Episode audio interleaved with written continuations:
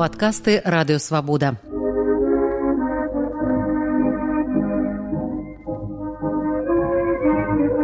Сто гісторый пра БНР з Сергеем Шупам.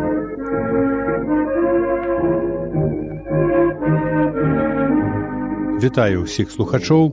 Сёння ў нашым падарожжы ў БНР адгортваецца новая старонка. Партызанскія атрады ўзялі пад кантроль найважнейшыя аб'екты Менску 9 снежня 1918, атрымаўшы ад нямецкай салдацкай рады тысячу вінтовак.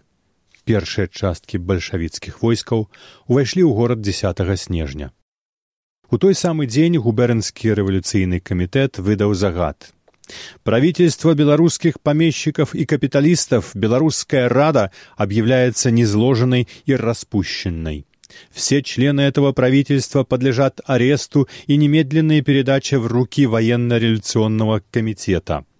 Все городские думы и земства объявляются распущенными и назначаются комиссары городского хозяйства. По всей Минской губернии восстанавливается власть Советов, и всякий, идущий против советской власти, считается врагом народа и подлежит расстрелу. Все распоряжения военно-революционного комитета и его эмиссаров подлежат беспрекословному выполнению под страхом тягчайшей революционной кары. Рабочие и крестьяне призываются бдительно стоять на страже революции и советской власти и беспощадно расправляться с белогвардейцами и контрреволюционерами.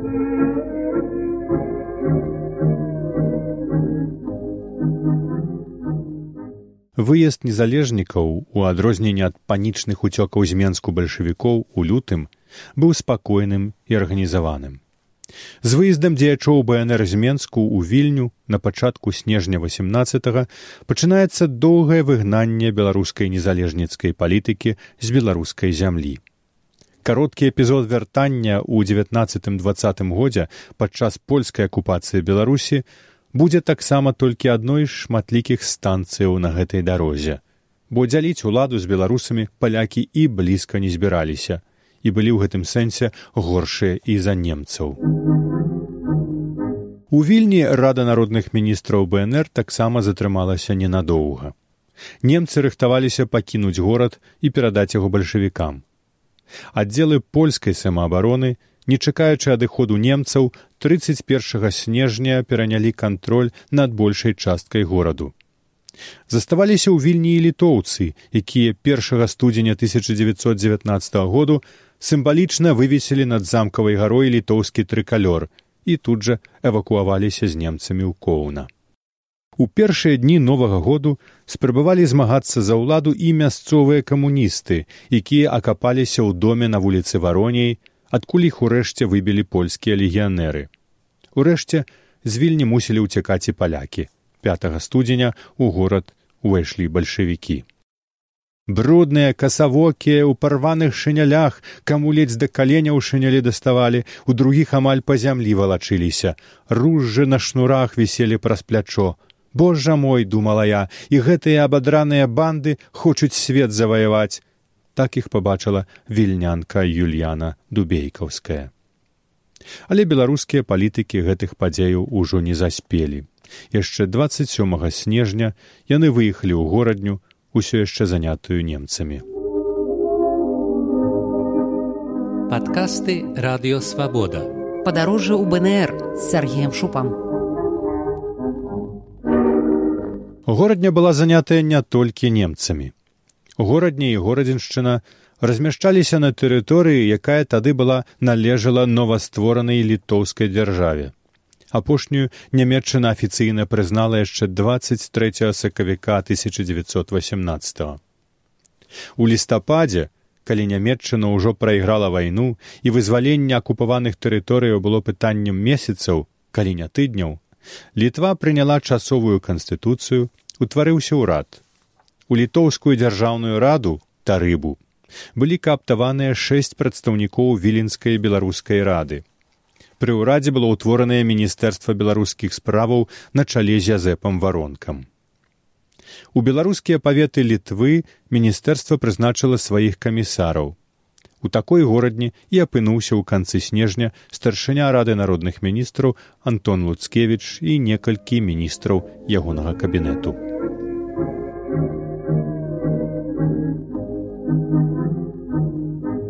За часы сядзення ў горадні ўся дзейнасць ураду БНР абмежавалася напісаннем пратэстаў супраць улучэння этнаграфічных беларускіх тэрыторыяў у склад Польшчы і супраць усеагульнай мабілізацыі ў вільні, абвешчанай польскім вайсковым камандаваннем. Беларускі прэм'ер бараніў патэнцыйную тэрыторыю беларускай народнай рэспублікі. А ў тым самым часе новаспечаны міністр беларускіх справаў літоўскага ўраду Язэп Варонка усяго за год перад тым першы старшыня народнага сакратарыяту бнр бараніў ад палякаў тэрыторыі літоўскай дзяржавы. Горадзінскі сакольскі беластоцкі бельскі ваўкавыскі белавескі і слонімскі паветы старой горадзінскай губерні аўгустоўскі павет сувальскай і лідскі павет колішняй віленскай губерні яны і былі на пачатку девятнадцатого году у юрысдыкцыі міністэрства беларускіх справаў літвы Падкасты радыёвабода. Падарожжа ў БНР з Сергеем Шупам.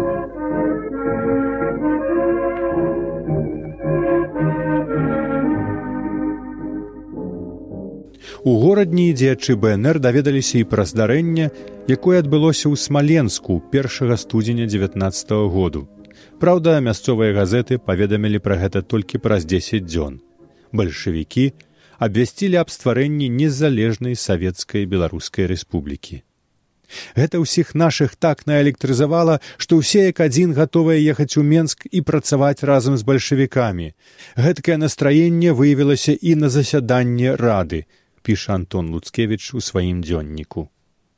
Наваствораная незалежная савецкая Беларусь неўзабаве абвесціць пра федэрацыю з савецкай рассеяй і прыняцце савецкай канстытуцыі. Усё ж гэта наша вялікая перамога. Усё праводзіцца паводле рэцэпту аб якім я ў кіеве трактаваў з ракоўскім. Не хавае свайго энтузіязму антон луцкевич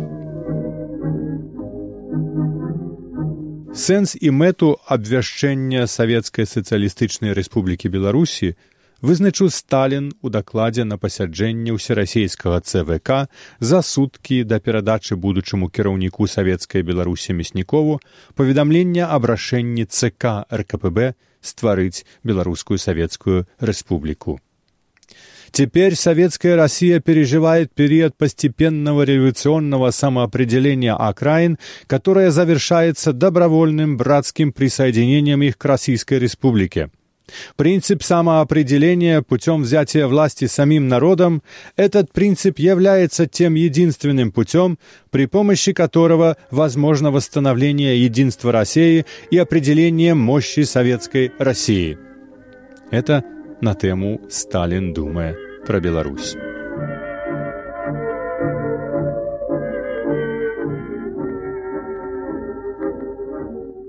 Вы слухали падкаст радыёвабода. Наступны выпуск праз тыдзень. Усе падкасты свабоды ў інтэрнэце на адрасе свабода кропка орг. Штодня у любы час у любым месцы, калі зручна вам. Свабода кропка орг. Ваша свабода.